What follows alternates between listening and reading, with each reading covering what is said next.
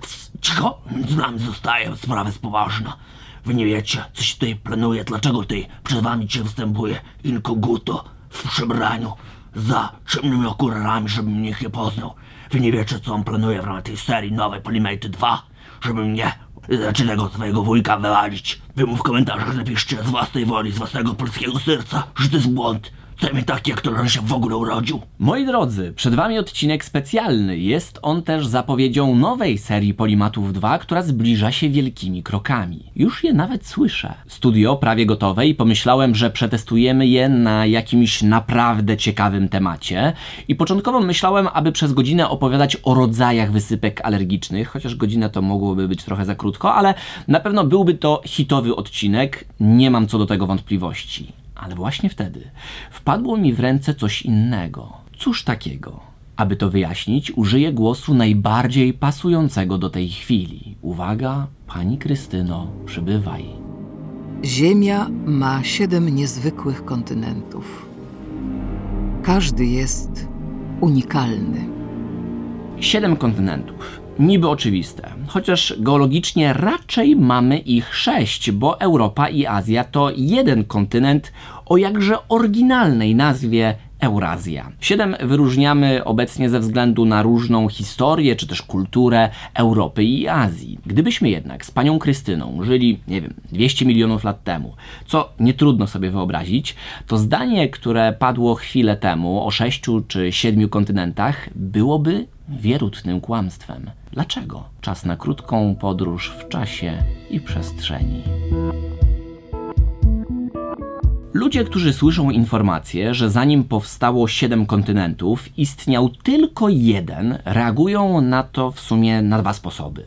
Ci pierwsi mówią: Wow, Niezłe, ciekawe. Natomiast ci drudzy są podobnie zainteresowani jak wtedy, gdy usłyszeli, że Chile to szósty na świecie największy eksporter potasu. Fascynujące i bardzo ważne dla mojego życia. Ale mylę Państwo. Fakt, że Ziemia kiedyś była podzielona inaczej niż teraz, jest ważniejsze niż może się wydawać. Rodzi się tutaj przy okazji jedno ciekawe pytanie. Gdzie wtedy leżały tereny, które dzisiaj nazywamy Polską? Jakie zwierzęta po nich biegały? Jaka panowała wtedy u nas pogoda? I w końcu, jaki wpływ miało rozdzielenie się kontynentów na nasze dzisiejsze życie? W sumie to były cztery pytania, ale wszystkie dobre. Do zabrania się za ten temat zainspirowała mnie nowa seria produkcji BBC pod tytułem Siedem światów, jedna planeta, która rzuciła zupełnie inne światło na kontynenty, które wydawało mi się, że znam całkiem nieźle. Okazało się, że tylko mi się tak wydawało. Każdy odcinek tej serii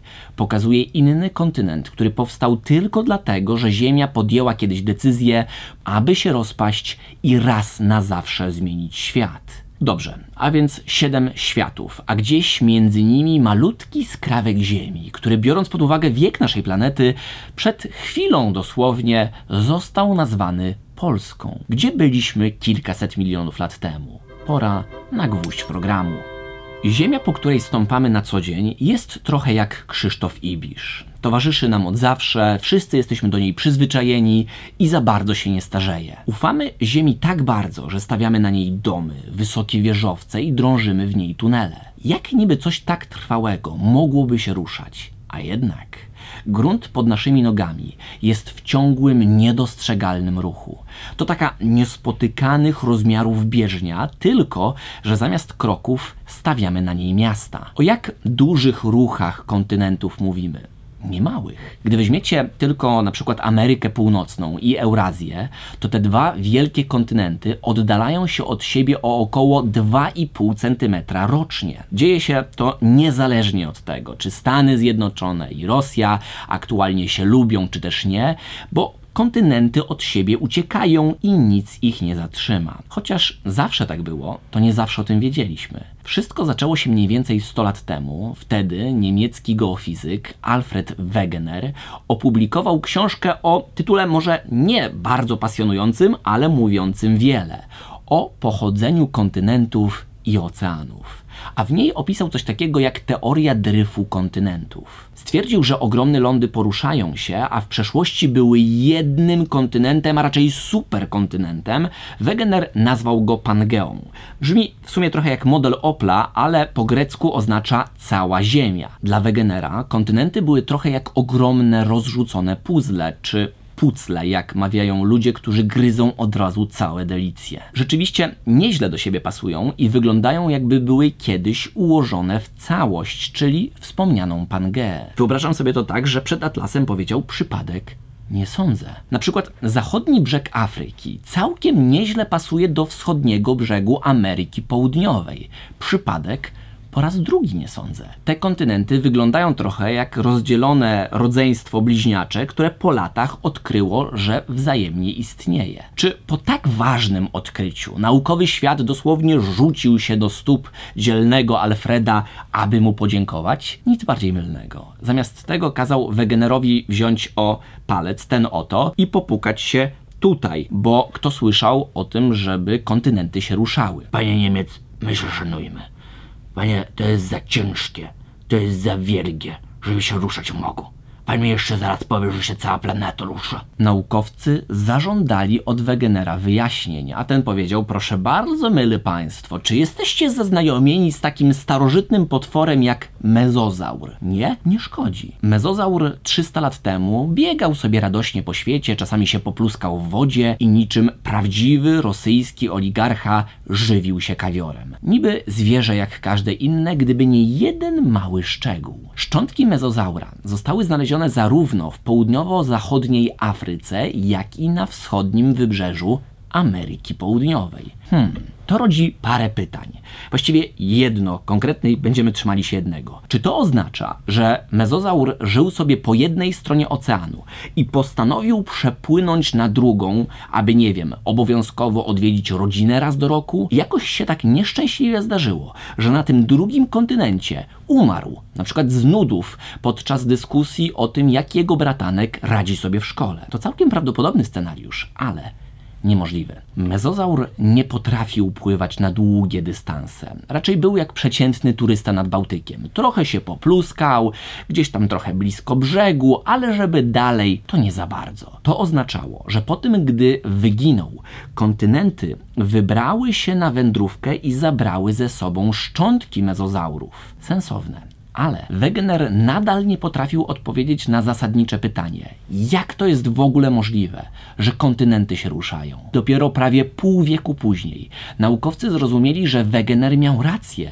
i dryf kontynentów wywołany jest przez ruchy skorupy ziemskiej. Było już niestety za późno, aby przeprosić zasłużonego Alfreda za to, że w niego zwątpiliśmy, bo ten zginął w latach 30. XX wieku na Grenlandii, gdzie wymyślał nieznane wcześniej sposoby sposoby przewidywania pogody. Tak trzeba żyć jak Alfred. Potwierdzenie jego teorii pozwoliło zrozumieć naukowcom jeszcze jedną ważną rzecz. Mapy nie są wieczne i za kilkaset milionów lat świat będzie wyglądać kompletnie inaczej. Radom może leżeć na obrzeżach Sosnowca, albo razem te dwa miasta w końcu po tylu latach mogą być jedną wielką metropolią, której w końcu mogłoby się nawet przydać lotnisko. Nie wiemy tego. Możemy natomiast próbować zgadywać, jak kiedyś wyglądała mapa świata około, nie wiem, 200-300 milionów lat temu, że tak pozwolę sobie ostro zawęzić okres, który nas interesuje. Wtedy właśnie sprawa przedstawiała się mniej więcej tak. To, co obecnie jest Europą, częściowo znajdowało się na półkuli południowej, tuż pod równikiem. Wniosek, było u nas dużo cieplej, więc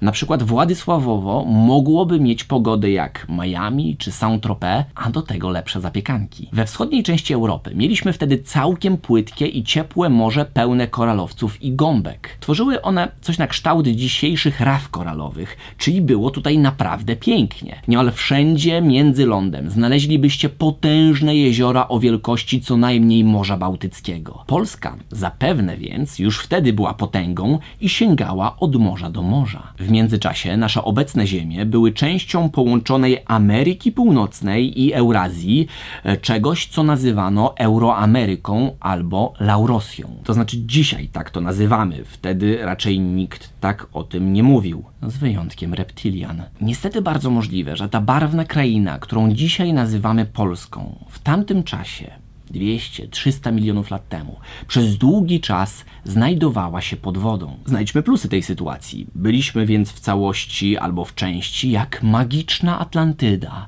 która dopiero z czasem postanowiła ukazać się Ziemi tej ziemi. Gdybyśmy niedługo po tym chcieli zrobić sobie mały spacer po Polsce, to naszym oczom ukazałby się dość monotonny krajobraz. Lasy, panie, wszędzie lasy, lasów tak dużo, że sobie wyobraź taki wielki, wielki las. Jeszcze takich lasów wielkich sobie wyobraź za tysiąc. Lasy nie trwały jednak wiecznie, bo wiele przeróżnych roślin zostało powalonych na ziemię. I drzewa powalone, panie, wszędzie drzewa. W ciągu milionów kolejnych lat te szczątki drzew, roślin zamienią się w węgiel, na którym Polska stoi i którym Polska stoi. Krajobraz zmieniał się dalej, bo tereny dzisiejszej Polski były swojego czasu też pustynią usianą aktywnymi wulkanami. Nic przyjemnego, mimo że nadal ciepło i sucho. Tam, gdzie ruszała się ziemia i piętrzyły się góry, tam pojawiały się miejsca na nowe zbiorniki wodne spore zbiorniki wodne. Niemal cała dzisiejsza północna Polska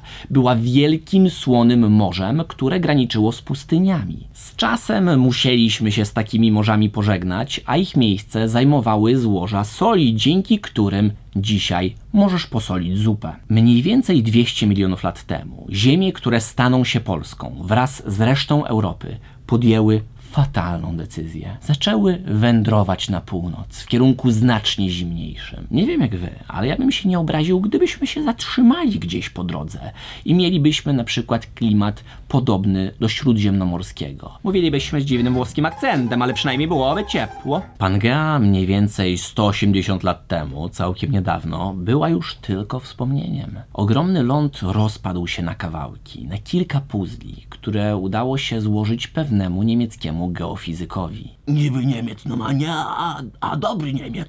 Przez parę ostatnich minut streściłem to, co działo się u nas na przestrzeni około 200-300 milionów lat, ale wierzcie mi, to nadal tylko skrawek opowieści. W przeszłości istniały także inne superkontynenty, które nieustannie się zderzały, zmieniały i poruszały. Spacery kontynentów miały ogromny wpływ na dzieje świata. Gdyby nie one, to na przykład po Himalajach nie biegałyby dzisiaj wesoło kozice górskie, bo nie miałyby po czym biegać. Za projektem Himalaje nie stoi aspirujący architekt w okularach z grubymi oprawkami, a Indie. Tak, Indie były kiedyś samodzielnym kontynentem, dryfującym bez przeszkód do momentu, kiedy miliony lat temu dołączyły do Azji. Dołączyły to łagodnie powiedziane, bo w rzeczywistości było to przepotężne uderzenie. Ze szkoły dobrze wiemy, że jak dochodzi gdzieś do bitki, to pojawiają się guzy, w tym przypadku spore guzy, góry, które dzisiaj nazywamy Himalajami. Jednak ktoś, kto nas i naszej miłości do kus nigdy nie zrozumie,